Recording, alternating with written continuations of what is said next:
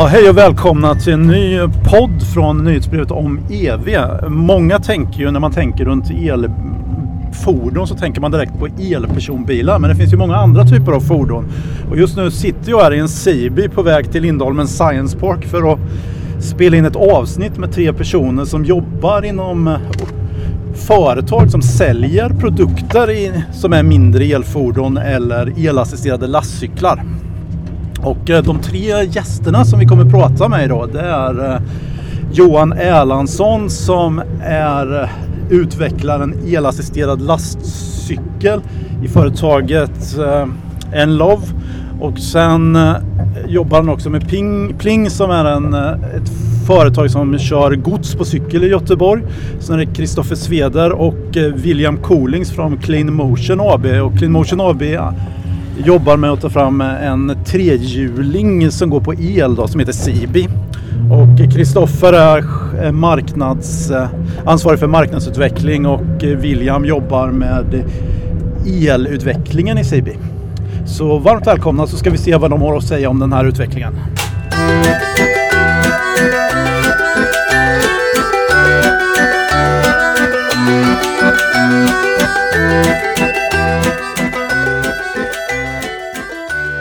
Johan, hur skulle du vilja beskriva det fordonet som eh, ditt företag Villav arbetar med huvudsakligen? Ja, det är ju då en elassisterad lastcykel eh, och det finns en hel del sådana på marknaden. Det kommer nya hela tiden. Det som är unikt med vår cykel är att den har fyra hjul och eh, så erbjuder vi ett stort antal olika moduler till den så att den går att ha i olika tillämpningsområden.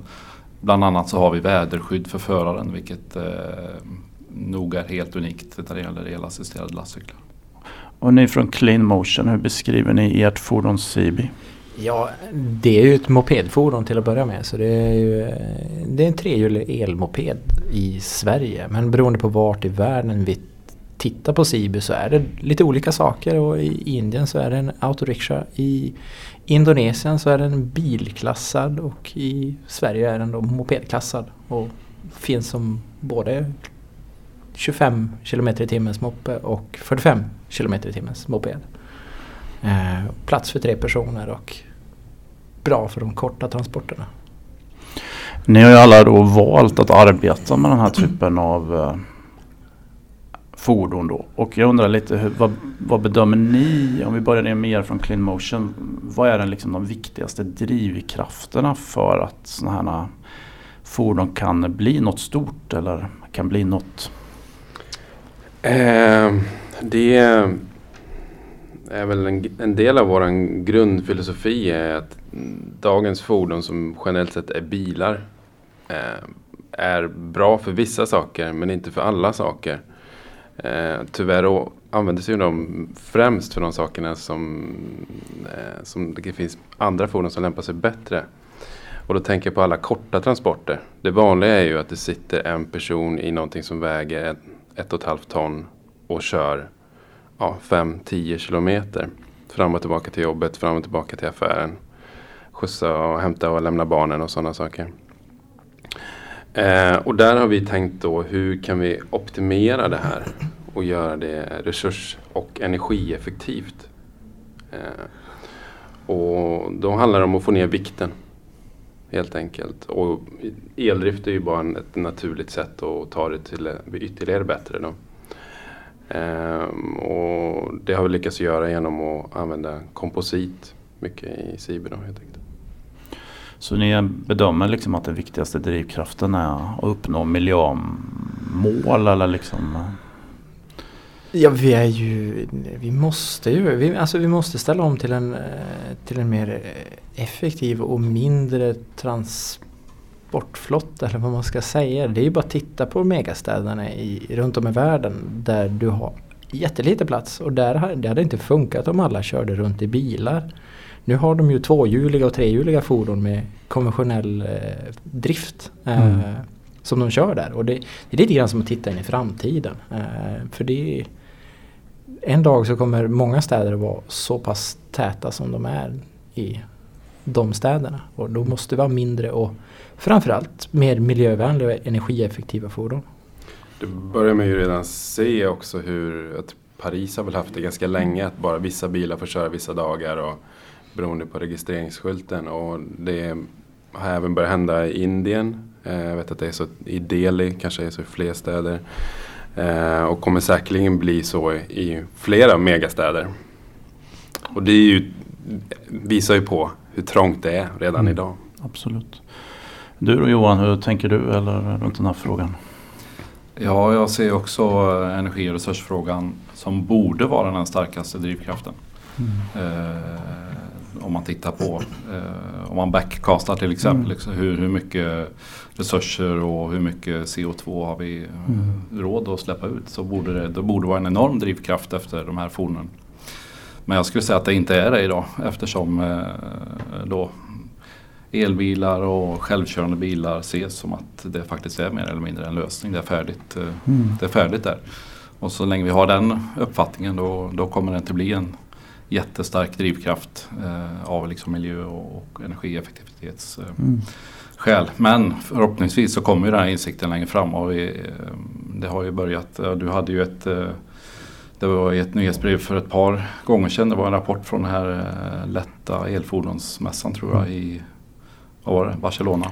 Barcelona, det var ju Clean Motion. Ja just det, det var ni som på det. Och då var det ju flera städer som rapporterade där. Att, ja, men nu har vi faktiskt börjat titta och jämföra liksom, eh, energieffektivitet ja. och utsläpp på elfordon. Och då lätta elfordon. Så att här är ju en jätteskillnad. Precis. Eh, och förhoppningsvis så sprider ju det här sig eh, och kommer även upp till Skandinavien också. Mm.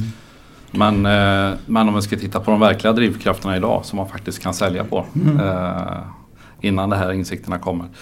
Så för oss så säljer vi mycket på framkomlighet. Mm. Eh, alltså med en cykel så om du har en stad med cykelinfrastruktur så fastnar du aldrig i bilkö. Mm. Och det för, för proffs så handlar det om produktivitet. Man kan få ut mer liksom arbete per, per tidsenhet. Och för en barnfamilj så handlar det om att man får en bättre livskvalitet. Att man har en bättre eh, frihet, rörelsefrihet. Sen är det också för proffs är det ju en lägre fordonskostnad, alltså en, det som brukar kallas för total cost of ownership. Eh, mm. Kan du byta ut ett eh, motorfordon mot en cykel så även om du har en väldigt dyr cykel så kommer det ändå bli en lägre det kommer hamna på en lägre total cost of ownership. Och det är en mm. väldigt stark drivkraft också för våra, för våra kunder. Och sen handlar det också om vardagsmotion. Det sägs ju att eh, stillasittarna idag är, liksom, är vår tids rökning. Så där har vi också ett eh, starkt argument, liksom, sagt för mm. arbetsgivaren. Båda era företag har ju sålt eh, fordon till kunder ett tag och jag undrar lite vad är det för typ av feedback ni får från kunderna? Och då är jag speciellt intresserad av hur de vilka typer av resor de använder dem för. Det är ju, alltså det vi har märkt att det sprider sig väldigt mycket beroende på användare. Vi säger ju egentligen att om 90% av transporterna görs i, gör, alltså att man gör korta resor med sina transporter. Då ska man kunna använda Sibu allt från privat till i stora företag. Eh, men det, det, är oftast närservice eller pendling till jobbet eller skjutsa och hämta barn på dagis. Det är de här vardagsresorna för privatpersoner. Och de här, vad ska man säga, närservicebitarna hos, eh, hos mer företagskunder. Men vad är det för kunder? Om vi tar Clean Motion först innan vi går över till Johan här. Så undrar jag lite, vad är det för kunder ni har? Huvudsakligen är det liksom offentliga aktörer som köper flera fordon på en gång eller är det privatkunder? Det är ju önskvärt eh, att ja. ha offentliga aktörer som köper många fordon. Eh, vi har några kunder som har köpt större mängd fordon och då är det framförallt i fastighetsbranschen. Mm. Eh, förvaltarfordon. Eh, sen har vi en ganska spridd egentligen kundkrets. Om vi ser till den försäljningen som vi gör här idag, mm. här idag i Sverige. Mm. Eh, sen är det, det, är väldigt olika. men det är allt från hotell till hemtjänst och, fastighetsförvaltning. Och Sen har vi ett jätteintressant initiativ och en fruktansvärt kul kund som heter Bist som mm. kör då taxi i centrala Göteborg och de har flotta på nio fordon idag och, och raka planer på att expandera runt om i Sverige och i världen. Så det är ju sjukt kul mm. faktiskt. Mm. Men om man ska ge läsarna liksom en, eller en lyssnare en förståelse för vilka typer av resor kan man inte göra med en CB?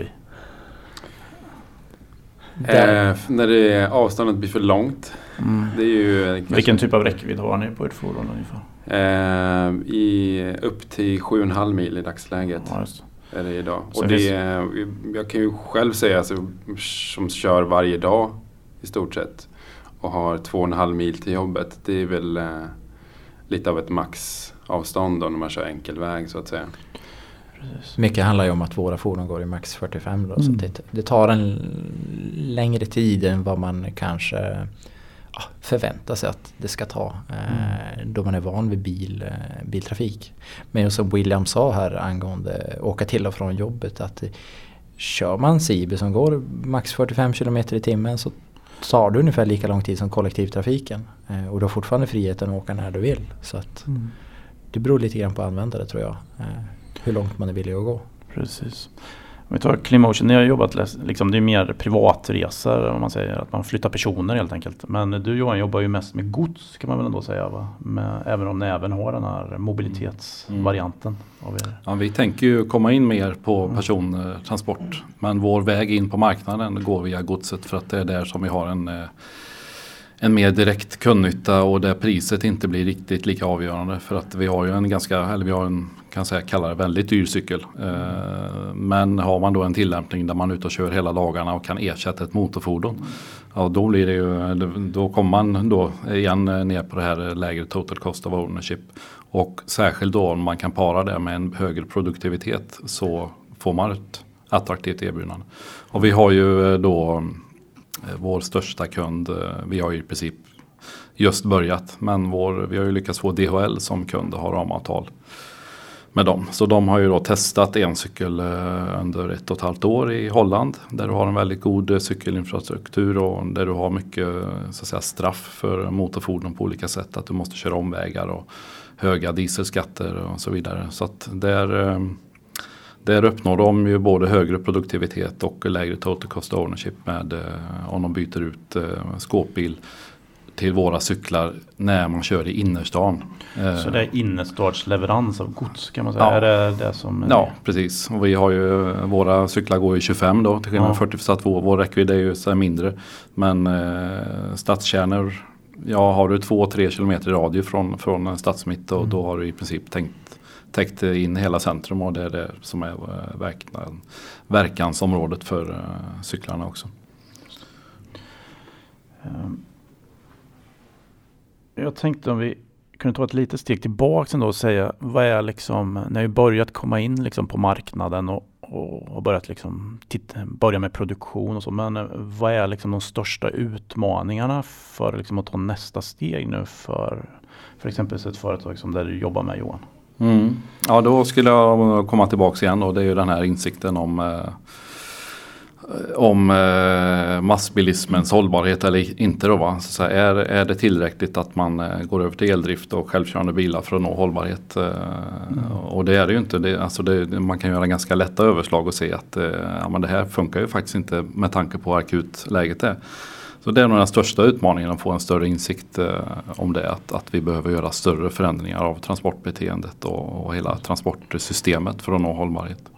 Men du har ju kontakt med, med kunder och städer och så. Hur ser du positivt på att det ser ut som att den här insikten är på väg in så att det verkligen eh, översätts till eh, styrmedel och politik? Ja, Och, det, jag skulle säga att det första positiva tecknet det kom nog. Det var nog den här eh, rapporten från den här konferensen här veckan. Alltså med, med, Ja. där, där du har städer som Amsterdam, som Berlin. Eh, som rapporterar att eh, ja, men vi vill nog titta lite mer på småfordon. För vi Mm. ser att de är betydligt energieffektivare än, än eh, då, så att säga, 1,5 tons eller 2 tons eller till och med 2,5 tons fordon. Sen den andra, så det är det viktiga. Sen den andra stora faktorn om det gäller genomslag för elassisterade lastcyklar generellt, både för företag och privatpersoner. Det är säker och smidig nattparkering. Ja, det. Är absolut avgörande. Eh, för att en bil kan man parkera på gatan eh, någorlunda säkert. Men ställer du en dyr lastcykel på gatan då är den snart borta. Mm. Eh, och det finns inga bra, riktigt bra lösningar eh, idag för folk som bor i lägenhet att kunna liksom parkera säkert och smidigt. Så där behöver kommuner ta ett mycket ja, större ansvar och bli mer proaktiva och hitta lösningar. Absolut. Ja, det, vi kommer tillbaka lite med styrmedel och vad kommuner och så kan göra lite senare. Men eh, det är en jätteintressant fråga. Att det är en sån sak som är den stora utmaningen. Mm. Ja, det... Ni från Clean Motion då, hur ser ni liksom, vad är de stora utmaningarna för att ta nästa steg och få upp volymer och hitta fler kunder? Vi har ju, vad ska man säga, en rätt är ett annat fokus än, än eh, tidigare beskrivet. Vi, vi satsar ju extremt mycket på den indiska marknaden just nu. Det, och där handlar det egentligen om att få, få så många fordon i rullning. Eh, för vi har ett litet annat arrangemang där, där vi franchisar ut flottor av fordon till operatörer. Och mm. Ju fler fordon vi kan sätta på vägarna desto bättre är det. Eh, och, och, och marknaden så, finns verkligen. Så ni har efterfrågan men inte produktionen är inte uppe i den volymen som egentligen efterfrågan skulle kunna se till att så betala för? Så ser det ut idag. Mm. Eh, på både gott och ont måste jag ändå säga. Det, för vi har ju i Sverige också en marknad som vi eh, tillfredsställer så gott det går också. Där är, är det lite annat uh, mindset och det är mycket som Johan säger. Det är beteendeförändringen som måste ske för att vi ska inse att uh, det behöver göras en ordentlig omställning.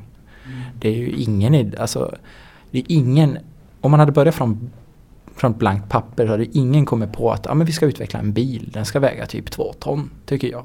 Eh, och den ska vara ungefär så här stor och ta så här mycket plats. Jag tycker ändå det märks en, en skillnad mot hur det sett ut bara för fem senaste år sedan. Eh, och en orsak till det kan väl vara att det börjar komma upp företag som faktiskt tror på det här och satsar lite mer och börjar ta fram mindre fordon. Eh, även om det fortfarande är i pytteliten skala jämfört med, med bilarna.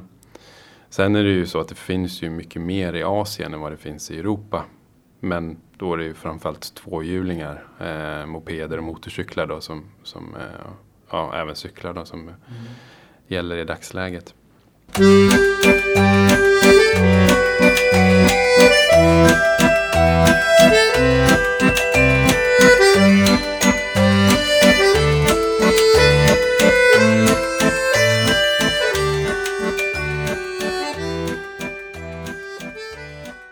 Något som jag har funderat på som jag hade gjort, gjorde research för de här intervjuerna och pratade med folk vad de var nyfikna på. Det är, eh, och vad man kunde fråga er då, det är ju den här aspekten på att ni utvecklar ett nytt fordon som kunderna inte riktigt van vid. Plus att ni stoppar in eh, lite mm, dyrare teknik. Det behöver inte vara dyrare men i alla fall det är ganska, ganska troligt att det blir en eh, viss kostnadsnivå för den här typen av fordon. Och det är inte så lätt att sätta pris då för då blir det vad konkurrerar det med egentligen? Liksom, konkurrerar man med en moped eller konkurrerar man med Ja, jag vet inte vad. Så, så just hur man sätter prisnivån för era produkter känns som en utmaning. Så jag undrar om ni kunde fundera lite där ihop med mig. Johan, hur, hur tänker ni från ert företag? när man liksom, Vad ska man sätta för pris på sin eh, produkt och vad konkurrerar man med egentligen? Ja, vi eh, sätter ju naturligtvis så lågt pris vi kan. Så det är ju inget, eh, egentligen har man inte så stor eh, Alltså det enda vi kan påverka det, det är ju att komma upp i produktionsvolymer så att vi kan börja sänka priset. Annars så liksom, vi, vi lägger ju inte, vi har ju inte ett högt pris för att vi tror att vi säljer bättre på att det är ett, ett högre pris. Um, men det är ju det här att vi kan ju fortfarande då se till vilka kan vi sälja på det priset vi har idag och vad är potentialen längre fram när vi kommer ner i, i pris. Då. Det vi kan sälja idag det är då till proffs inom citylogistik och så urban service eh, också där man, har en, där man har en fördel, framkomlighetsfördel och där du får en lägre fordonskostnad trots allt för att du kan byta ut ett motorfordon eh, då till, till den här cykeln. Och vi kan även se att, eh, så att säga, tjänstebilstypen av eh, köpare som vi har till exempel fått, haft intresse från mäklare. Där kan du få väldigt bra nytta av våra fordon. Eh, dels i arbetet för att du tar dig runt till, de här, till dina olika objekt och du får väldigt bra marknadsföring för att du har ett udda fordon så att du kan sätta marknadsföring på. Men och så vill de ta den på företaget. Men så kan de också använda den hemma privat. Eh, och köra upp till fyra barn eh, på den.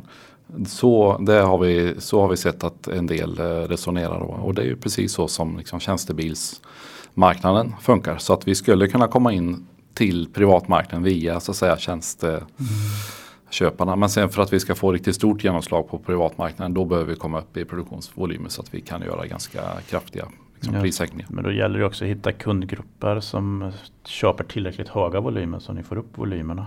Ja det är lite så vi, eh, nu har vi då DHL som kund med ramavtal så vi hoppas ju att det ska gå fortsatt bra. eh, Där de nu, eh, när de nu ökar, utökar användningen av cyklarna och att det sen sprider sig riktigt, riktigt bra. Då, får vi, då kommer vi en bit på vägen med volymerna där och vi har lite andra intressanta samtal som, kan ge, som, som potentiellt kan ge ganska bra snurr här snart. Men det är ju då lastversionerna då, som vi Mm. börjar med. Men i era kundkontakter, liksom, vad, hur, är, är det kunderna, tänker de sig att de köper en finare moped eller en Det, bättre bil? Nej men det, det, vi vill ju inte jämföras med en bil. Men vi vill ju ersätta en bil. Och det vi märker är att kunderna tar inte köpbesluten som ett komplement utan mer som en ersättning till vissa delar. Alltså det man kallar andra bilen till exempel. Eh, eller närservicebilar. Men det jag tycker är intressant är alltså bilindustrin ser ut som den gör och den är fantastisk på att dölja de faktiska kostnaderna. Så att det är ju en, eh, vad ska man säga, en utmaning för oss att kunna förmedla att total cost of ownership är eh, helt annorlunda med ett sånt här fordon. Även om initialkostnaden kanske snuddar på eh, vissa typer av bilar och framförallt då begagnatmarknaden som också är en, en ganska konstig grej där någonting kan tappa värde fyra sekunder efter du har köpt det bara för att du har tagit i det. Vilket jag inte kan förstå egentligen. Men det är en eh, annan diskussion. Ehm, så eh, jag vet inte om jag svarar på din fråga riktigt. Jo absolut. Det är en väldigt svår fråga. Jag Ja. förstår att eh, det är självklart att ni sätter den priset som eh, så lågt som möjligt. Det känns ju som en rimligt. Men, men man är ju just nyfiken på liksom, just man behöver ju volym och man behöver kunder och sen tänker jag mycket vad de har för uppfattning om era fordon. För det är ju en liksom man är lite ovan att se fordon. Det kan inte vara så lätt för kunden alltid liksom, är det här rätt prisnivå för den här typen av fordon? Liksom? Det måste vara mycket en utbildningsinsats eller liksom en erfarenhetsinsats också från kunderna. Så det var mest det jag tänkte på. Det kan ju vara lite lättare gentemot företag eh, jämfört med privatpersoner eftersom företag tänker ofta total cost of Ja. ownership. Där de kan räkna på hela bilden Mm. istället för bara inköpskostnaden och ser bara den. Då. Precis. Eh, något som jag tänkte lite runt det praktiska runt att använda era fordon. Det är ju om man tänker elbilar så blir det ofta en diskussion om laddinfrastruktur och hur man löser det. Och jag, om man liksom om en, en kund som köper ert fordon, hur ska den tänka runt laddinfrastruktur? Om vi tar det Johan, liksom, vad behövs det för typer av laddningsmöjligheter för att det ska vara praktiskt att använda exempelvis för innerstads godstrafik? Ja, det är ju egentligen bara att man har tillgång till elnät eh, där man parkerar cykeln. Det är ju det absoluta främsta. Så det räcker att ladda på natten och Ja. sen kommer den eh, hjälpa till tillräckligt mycket? Ja. Du anpassar, du har med dig tillräckligt stor mängd batteri för att Mm. du ska klara dig i ett eh, arbetspass eller, ja eller hela dagen. Och sen så eh, ladda på natten, det är det absolut smidigaste. Så man kan säga att det behövs ingen publik laddinfrastruktur för den typen av fordon som du... du eh, Nej, det finns en del, eh, en del då som bör prata om att eh, man kan ha sådana här batteristationer och Ja. system där man Mm. leasar liksom Mm. batterier och byter. Men, och det kan väl kanske vara attraktivt men jag tänker att det är ändå eh, då ska du slita ut ett batteri som är ganska tungt och så ska ha du lite problem med kontakter och grejer. Det Mm. absolut enklaste är ju bara att sätta i sladden när du har parkerat för, mm. För natten och sen Mm. drar du ur den på morgonen. Det kan Mm. ju liksom inte bli mycket enklare. Ja, det känns enkelt. Sen har vi lite, sen har vi lite eventuellt lite försök på gång med bränslecell. och sånt. Men, Ja, jag förstår. Ja. Ja, det kan vi komma tillbaka till sen kanske. Ja, ni då från CB, hur tänker ni när kunderna pratar liksom med... Nej, jag håller med Johan här. Det är samma. Det är, där finns el där kan du ladda Sibi. Det räcker med ett vanligt eluttag. Eh, och det är ju bra det här om vi säger att man ja, man kommer hem på kvällen så pluggar in den och sen är den ju fulladdad Mm. på dagen efter. Och många frågar ju ofta hur lång tid tar det att ladda? Mm. Det är, väldigt, det är en av de vanligaste Mm. frågorna vi får. Eh, och vi svarar ju alltid med tiden det tar då om du har tömt batteriet. Men som jag själv tycker, det, ja, det tar ju tre sekunder att plugga in. Och sen så tar det tre sekunder att plugga ur. Det är ju min tid Mm. som det tar att ladda. Mm. För när jag inte kör då står den ju bara ändå. Absolut. Ehm, och där Det lätta är ju att det bara behövs 220 någonstans. Men problemet kan bli kanske i städer att det, det finns inte där du ställer ditt fordon. Mm. Alltid. Ehm, det tacksamma i sammanhanget är att det är ju väldigt billigt att dra fram ett vanligt eluttag. Ehm, det behöver inte kosta 20-30 tusen som det gör för en ganska enkel laddstation som krävs för en elbil. Då. Mm. Utan vi pratar ett par tusen lappar istället. Där man får faktiskt material och elektriker som kan göra installationen.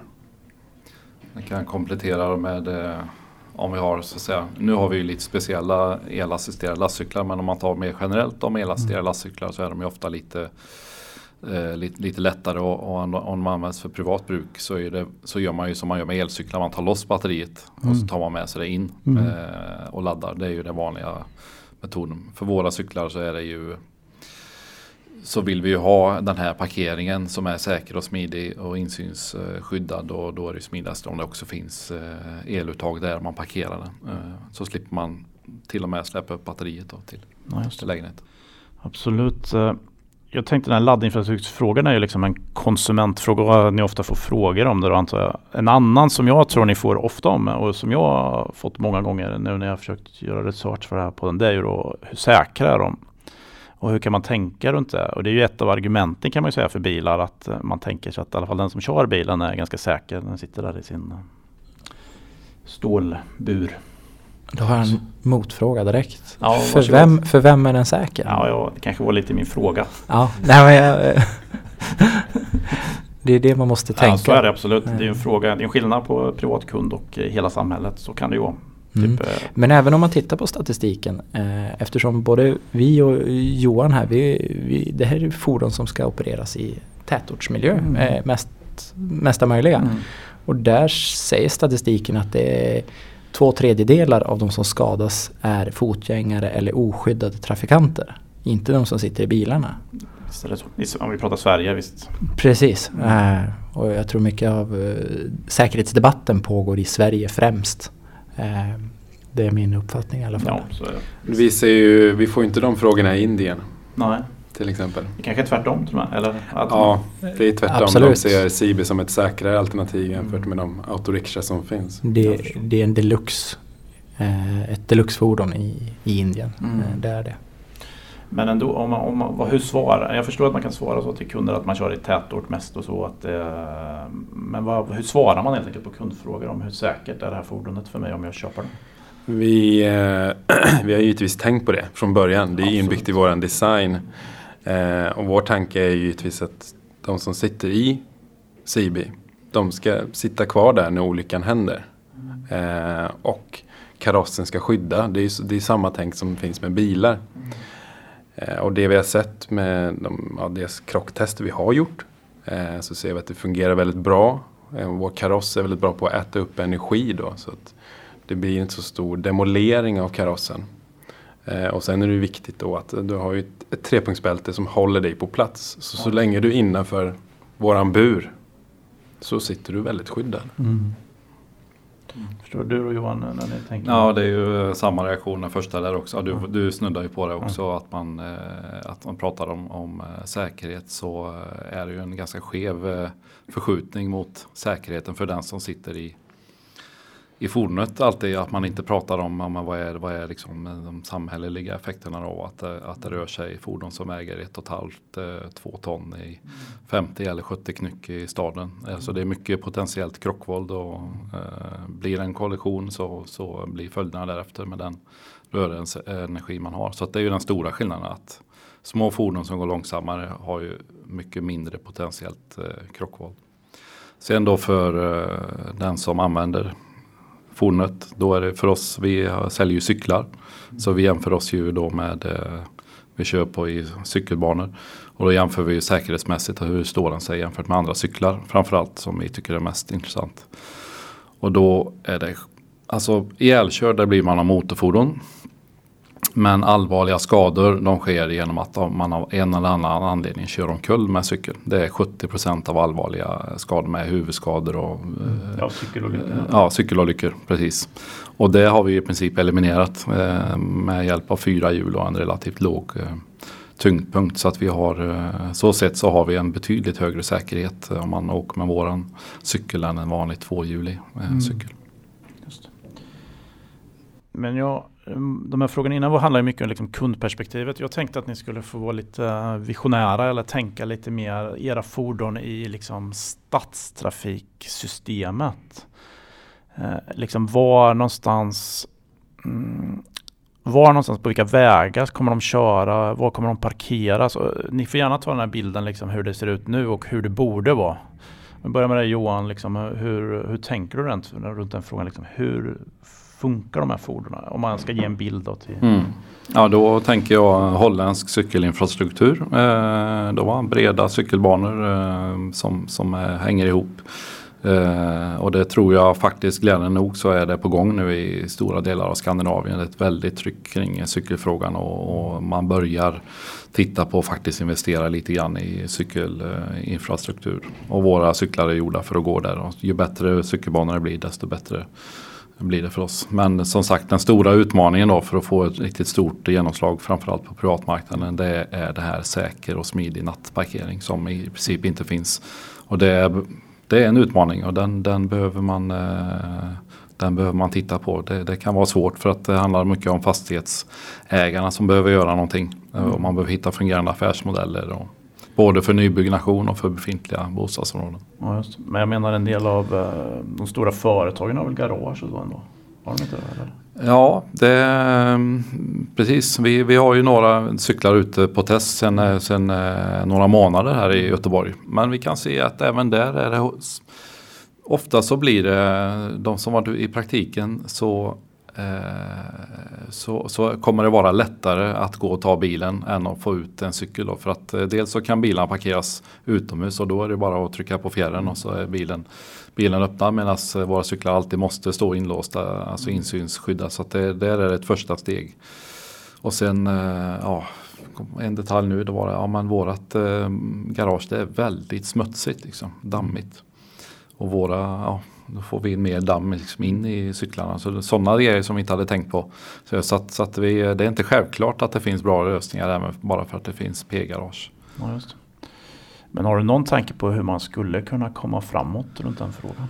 Ja det är ju eh, i befintliga områden så ja, men det finns ju mycket gatuparkering. Så att det handlar helt enkelt om att bygga, bebygga dem med eh, förråd. Och på en, eh, på en P-plats så kan du få in två fordon och det behöver inte vara just våra cyklar utan det kan ju vara andra lastcyklar och mopeder och motorcyklar. Alltså du får in två fordon på, en, på en, ett ställe där det bara fanns ett en bil innan och då kan man också, ja då kan du ha halva P-kostnaden. Mm. Men sen ska du bygga det själva förrådet också så att det gäller ju att, att man hittar någon lösning som är tillräckligt eh, kostnadseffektiv där också så att man får med affärsmodellen. I ny, nybyggnationer då går det att hitta på, eh, då kan man göra hur bra som helst. Det är bottenplan på hus och sånt naturligtvis. Precis. Ja. Och ni då, hur tänker ni runt liksom var någonstans? Om vi tar den svenska situationen först och så kanske vi kan gå över lite till Indien och de här uh, stora länderna. Men om vi tar Sverige, liksom, var kommer man se Sibi någonstans? Vilka vägar åker ni på? Ja, när det kommer till den biten så eh, det är ju inget större problem eftersom vi kör ju där bilarna finns och bilarna har ju stor del av städerna redan. Eh, med väldigt välutvecklade vägnät så att säga. Eh, så det är ju snarare parkering då som, eh, som kanske kan vara ett problem.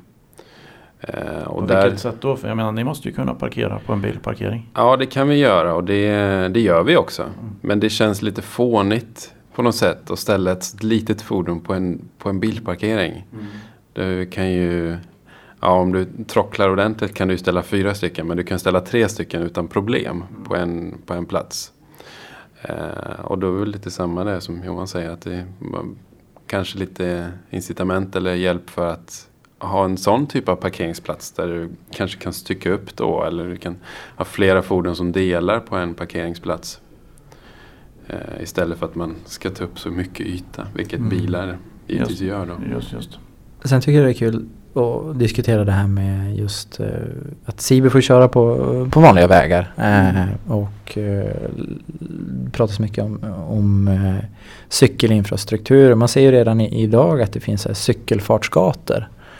Eh, och jag tycker sådana gator är fantastiskt trevliga. Eh, där man tvingas, alltså jag tycker att vi bör få de stora bilarna att anpassa sig efter de små fordonen. I både hastighet och storlek på vägar. Så att det finns inga, det ska inte finnas några lätta vägar för bilar att ta sig fram.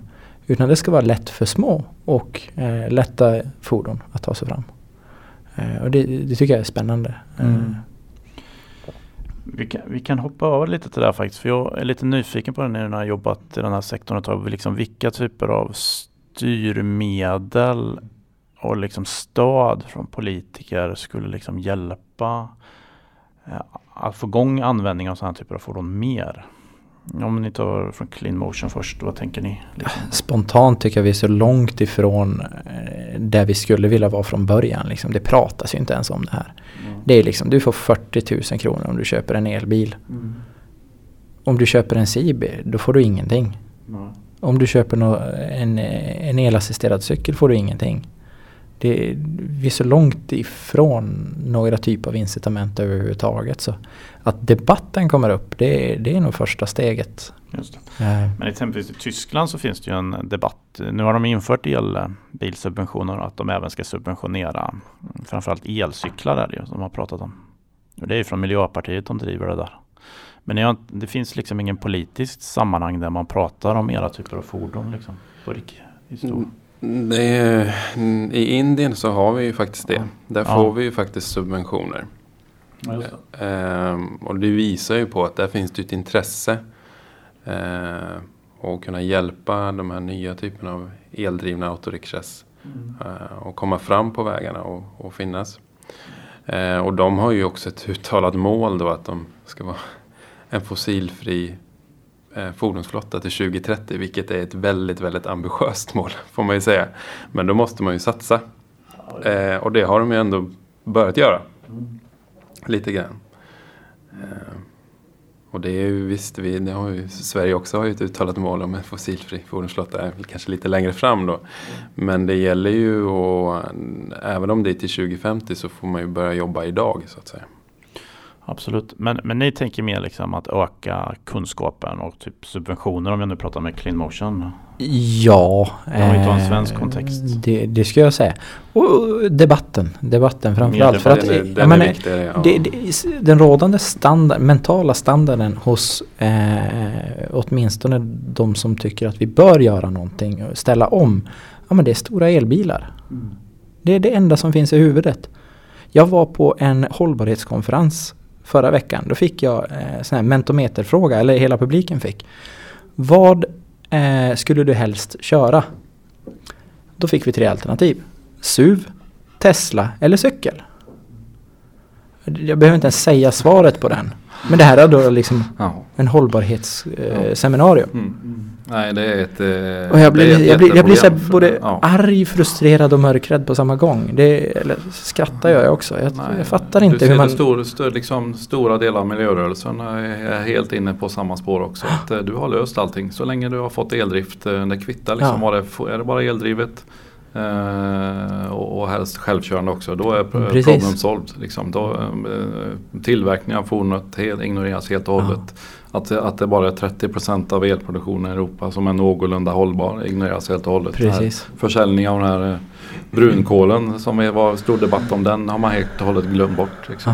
Eh, så det, och det är väldigt frustrerande särskilt när det är liksom tongivande miljöaktörer eh, aktörer som, som eh, ropar hurra när elbilsförsäljningen ökar. Liksom. Precis, alltså lösningen inte är inte att stoppa en eh, herrans massa batterier i, i vanliga eh, bilar. Det, Sen ska man ju inte säga, nu, nu håller vi på, eller kanske jag raljerar mot elbilar och det är absolut, självklart ska vi ha liksom eldrift. Det är liksom inget snack om saken. Det är bara det att omfattningen på användandet av liksom tunga fordon är av en, eh, på en skala som är så otroligt långt från att vara hållbar. Så att, eh, det är klart att vi ska ha de här bilarna men då ska de användas i, i de fall där de verkligen behövs. Precis, Eh, jag tror att det är så naturligt för, för dig och, och, oss att, att eh, använda eldrift. Eh, så att det är inte det som är grejen utan vi måste minska, eh, det är storleken på fordonen som måste ner. Eh, självklart ska vi ha eldrift, det är extremt bra verkningsgrad. Eh, det, det ska vi utnyttja. Eh, Absolut. Men vi ska ha så små batterier som möjligt. Absolut. Men Johan, om du tänker liksom styrmedel och Mm. stöd, vad Mm. alltså politiska systemet kan göra. Jag förstår den här eh, liksom att miljörörelsen och tycker att elbilar löst allt. Men om vi går till Ja. politikerna. Ja, ja nej, då, eh, alltså det, det, det handlar ju om det här med insikt och förståelse. Den bästa lösningen det är ju den här eh, klassiska internalisera externaliteter Mm. som det heter på Mm. miljöfolks. eh, Alltså att bilismen fullt ut betalar sina samhälls och, och miljökostnader. Alltså hade de bara gjort det då hade vi haft en fantastisk eh, marknad för det hade bara, bara varit att kränga på utan vidare. Men jag tror ju att det finns så enormt stora drivkrafter för att behålla eh, bilismen så att det kommer liksom inte det kommer inte ske. Vi har ju, vi har ju eh, fordonsindustri i landet. Eh, det är arbetstillfällen som staten gärna vill Mm. liksom uppmuntra och se till att ha kvar. Och, vi, har, vi har byggt hela samhället efter bilismen i 6-7 decennier. Så även, liksom bilanvändare eh, som har vant sig vid bekvämligheten och bosatt sig på sådana sätt så att man mer eller mindre är beroende av Mm. bilen. Det, det är väldigt svårt att komma ur hela den här de drivkrafterna för att Mm. behålla bilismen. Men jag kan väl tycka, så det, det tror jag väl inte kommer in- inträffa. Men däremot kan man väl faktiskt argumentera för att om det nu ska finnas eh, stora utvecklingsstöd till bilindustrin och till och med stora bilinköpsbidrag. Ja då kan man ju verkligen tycka att eh, om, om, om de ska få det här då borde ju verkligen mindre fordon som har eh, Mm. liksom betydligt större potential att lösa de här problemen borde ju få liknande stöd Mm. eh, i så fall. Även om jag inte gillar stöd så, så, men så länge de andra får stöd då ska vi också ha stöd. En rättviseaspekt på stöd.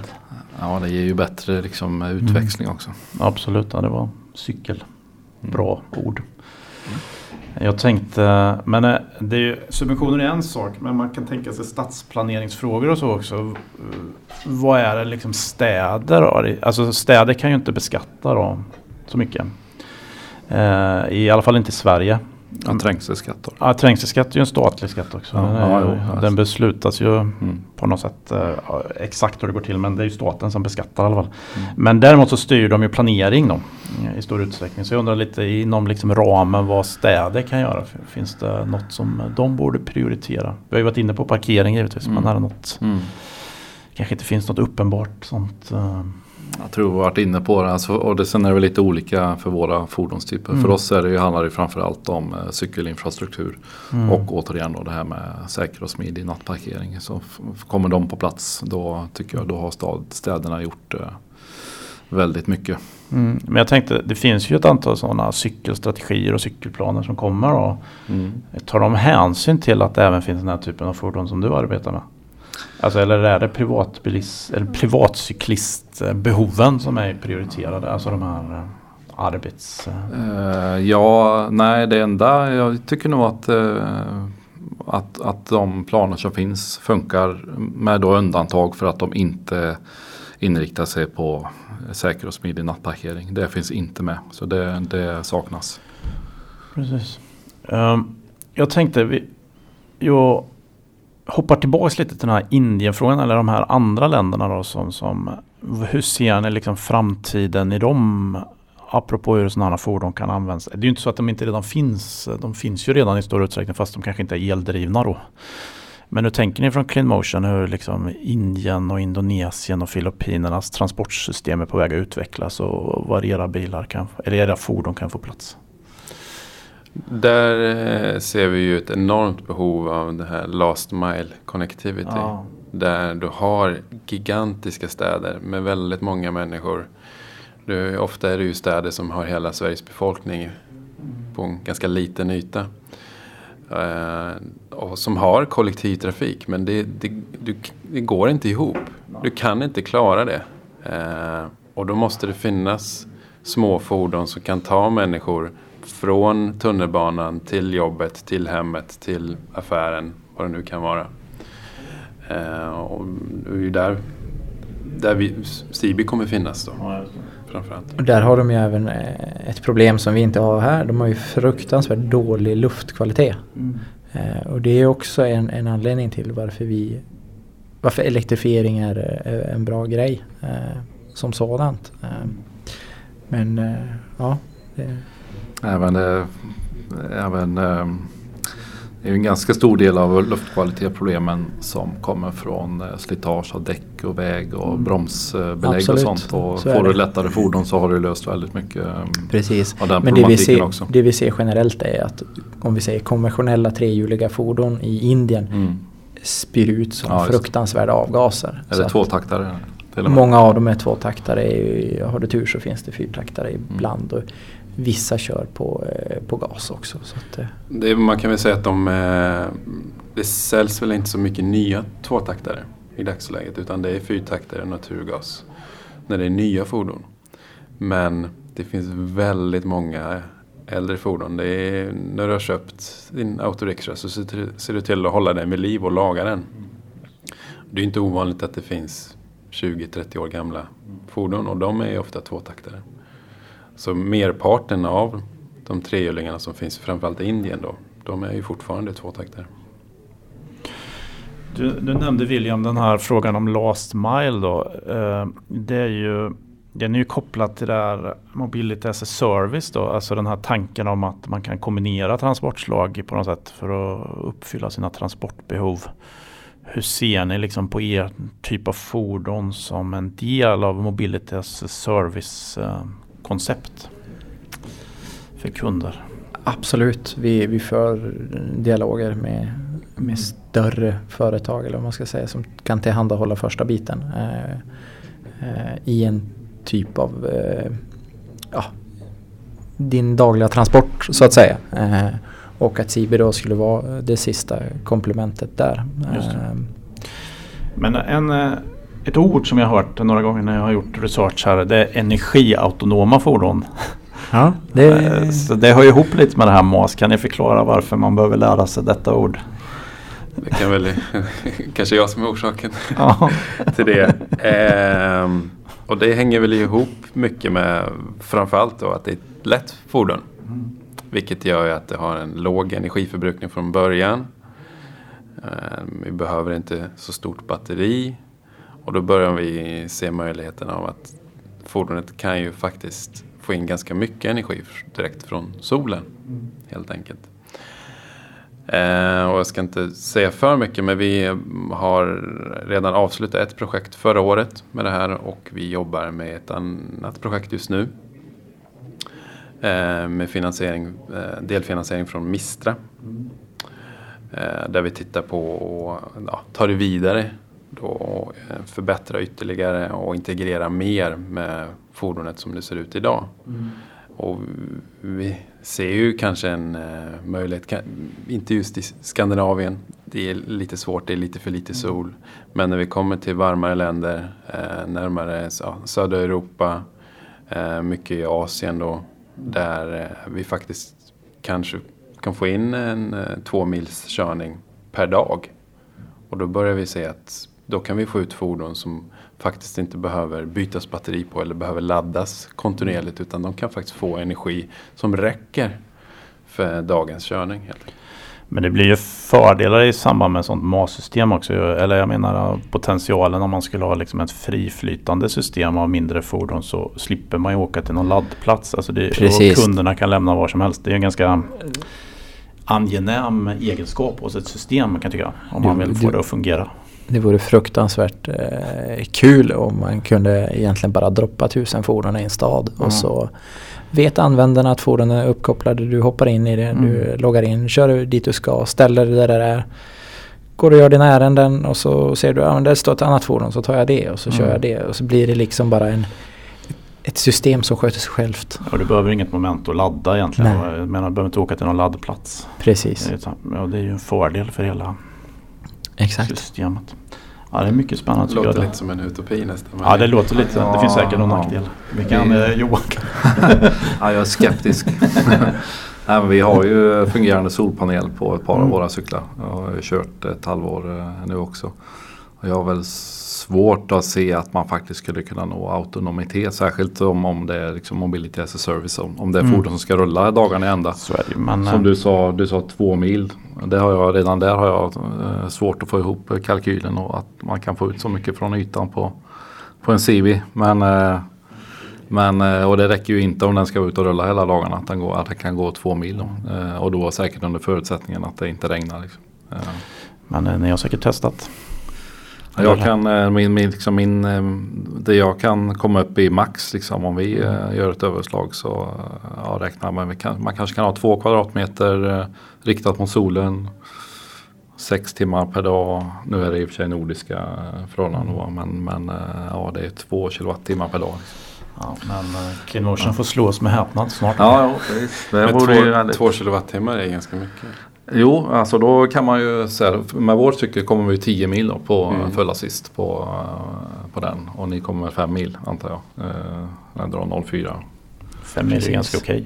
Alltså. Och vi, vi tänker just, alltså vårt mål är väl inte att vi ska stanna vid 04 heller utan vi, vi ska ner till 03. Eh, och bara där så har du... kilowattimmar per mil. Va? Bara Ja, att alla- precis. Ja.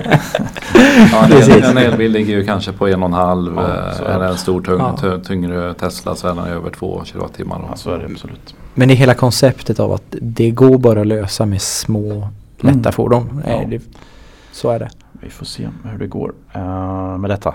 Det blir spännande att se. Jag ser fram emot det. Jag ska gärna vilja ha det i Göteborg. Men då kanske det får bli lite mer sol här först.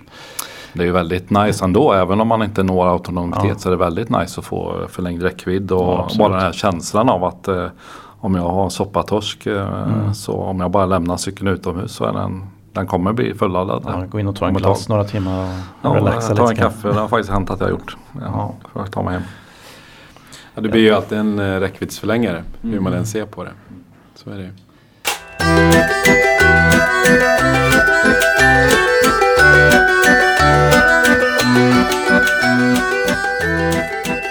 Tänkte här som sista fråga i den här podden då. Det är ganska starkt kopplat till den här frågan subventioner till elbilar. Det är ju ofta att, eh, det är inte alltid, men ibland argumenterar man för elbilsubventioner för att det stödjer en industri då eller det finns jobb och det finns exportmöjligheter och så. Man skulle ju då kunna argumentera även för er sektor att även om den är liten just nu så finns det stor potential. Indien är stort och eh, det verkar finnas eh, nischer som den här redan nu är kanske konkurrenskrafter och kan bli ännu större på sikt. Så jag är lite nyfiken på om man som näringsdepartement börjar liksom, eller titta på den här sektorn. Liksom. Hur, hur stor kan den här sektorn bli för Sverige? Som, alltså om man exporterar den här typen av fordon från Sverige. Är Sverige lämpligt land för att liksom utveckla den här typen av nu kommer ni säga nej antar jag. Nej, jag skulle säga det är ytterst lämpligt. Jag Ja. menar vi har mycket know-how och, Ja. och den biten. Så det, Så det kan bli en stor, eh, stort helt enkelt. Ja, alltså... eh, Ni får gärna ge några argument Ja, nej, men vi, vi, alltså om man kommer dit att man tycker att det här är en bra grej. Liksom, att, man ser, Mm. eh, att man ser de stora eh, energi och resursfördelarna med, med Mm. mindre fordon. Då, ju, då har vi ju den här kompetensen. Alltså, Mm. Vi har ju jättemycket fordonskompetens i, Mm. i Sverige som till stor del skulle kunna gå att använda till att utveckla lätta fordon. Eh, och elassisterade lastcyklar också. Det finns, eh, det, det finns ju hur mycket spännande som helst som man kan utveckla och förbättra eh, med i den här typen av fordon. Det är ju också, nu kommer tillbaka till det här med kom, till kompetensen då. Det den tekniska kompetensen är ju väldigt god i Sverige. Eh, och kanske framförallt när det kommer till fordon då. Eh, men vi ska ju inte glömma också att det krävs ju mycket kunskap till, kring eh, produktion. Mm. Som vi också har. Absolut. Det är, även om våra fordon är eh, väldigt mycket mindre komplexa jämfört med en bil som består av idag, jag vet inte, en 10 000 delar. Eller i den här den. Där våra fordon säkerligen ligger kring några hundra delar. När du även räknar i ja, varenda ja, bricka och mutter så att säga. 720 stycken för att vara exakt. 720, ja då räknar vi, då är vi nere Det är på mutter och brickan. Ja, jag tror vi har mer räknar. faktiskt. Jag tror våra är mer komplexa än era faktiskt. Om man ska vara. Eh, Vi ska ha muskeldrift också. Det, till, det lägger till mycket Ja. komplexitet. Det gör det. Ja, Absolut. jag Rörliga delar. Och sen har vi, vi har ju en väldigt enkel kaross på det sättet. Eller den består av väldigt få delar, våran kaross. Eh, men, eh, men ändå så ska den ju produceras. Mm. Och där finns ju stor erfarenhet Mm. i Sverige. Mm. Och här vill man ju Ja, det som jag tycker är spännande, för det händer ju väldigt mycket inom produktion eh, nu med automatisering. Mm. Eh, och är 3D-printning och allting. Mm. Och det hade ju varit väldigt kul att få haka på den eh, trenden och också kunna flytta hem eh, produktion och kunna tillverka ramarna och så Mm. i Sverige. hade ju varit, eh, alltså, man pratar om cykeltillverkning idag. Så kanske någon säger att ja, vi har produktion i Sverige men, men då är alltid ramarna ändå tillverkade i Taiwan eller Kina så har man montering i. Men det hade ju varit väldigt kul att kunna, kunna hänga på hela den här eh, produktionshypen som är just nu med, Mm. med automatisering och, och kunna flytta hem det till Sverige. Det hade varit jättekul. Det är en spännande fråga. Bara för att tillägga så tillverkar vi våra fordon i Sverige. Mm. Eh, och då framförallt karossen då som är en, eh, en rätt... eh, Vi vill gärna uttrycka den som en enkel kaross men den är, det är en rätt avancerad glasfiberstruktur. eh, Mm. Men vi tillverkar den i Sverige vilket vi... En enkel eh, produkt men en svår produktion. Ja, det är väl en ganska bra beskrivning egentligen. Mm. Ja, vi har ju ramtillverkning i Europa i alla fall. alltid något. Ja, det är alltid något. Eh, Jag tänkte vi ska försöka sluta nu då och försöka fundera ihop det här. Men jag tänkte är det något ni vill eh, säga till lyssnarna som liksom, eh, om eh, den här typen av fordon som de borde veta som vi inte har pratat om? Nej, det är väl att man gärna får provköra. Det Ja. brukar ge väldigt Det brukar ge mycket aha, upplevelse och vi, vi tar gärna emot besök och erbjuder provkörningar. hör av er. Det, det att slå en signal. Just ja, det låter bra. Då ska vi göra det, eller jag ska göra det kanske. Ehm, Vi kan väl gå ner direkt. Ja, ja, den står ju här nere så jag ska ner och provköra nu faktiskt. Det är sant. Eh, Ja, men tack så mycket för att ni var här helt enkelt eh, och eh, var med på den här podden. Den här podden som nyhetsbrevet om EV står för och nyhetsbrevet om EV är ju finansierat av Energimyndigheten och Svenskt El och hybridfordonscentrum är värdar. Och tack så mycket för att ni lyssnade. Tack! Tackar. Tack själva. Tack så mycket.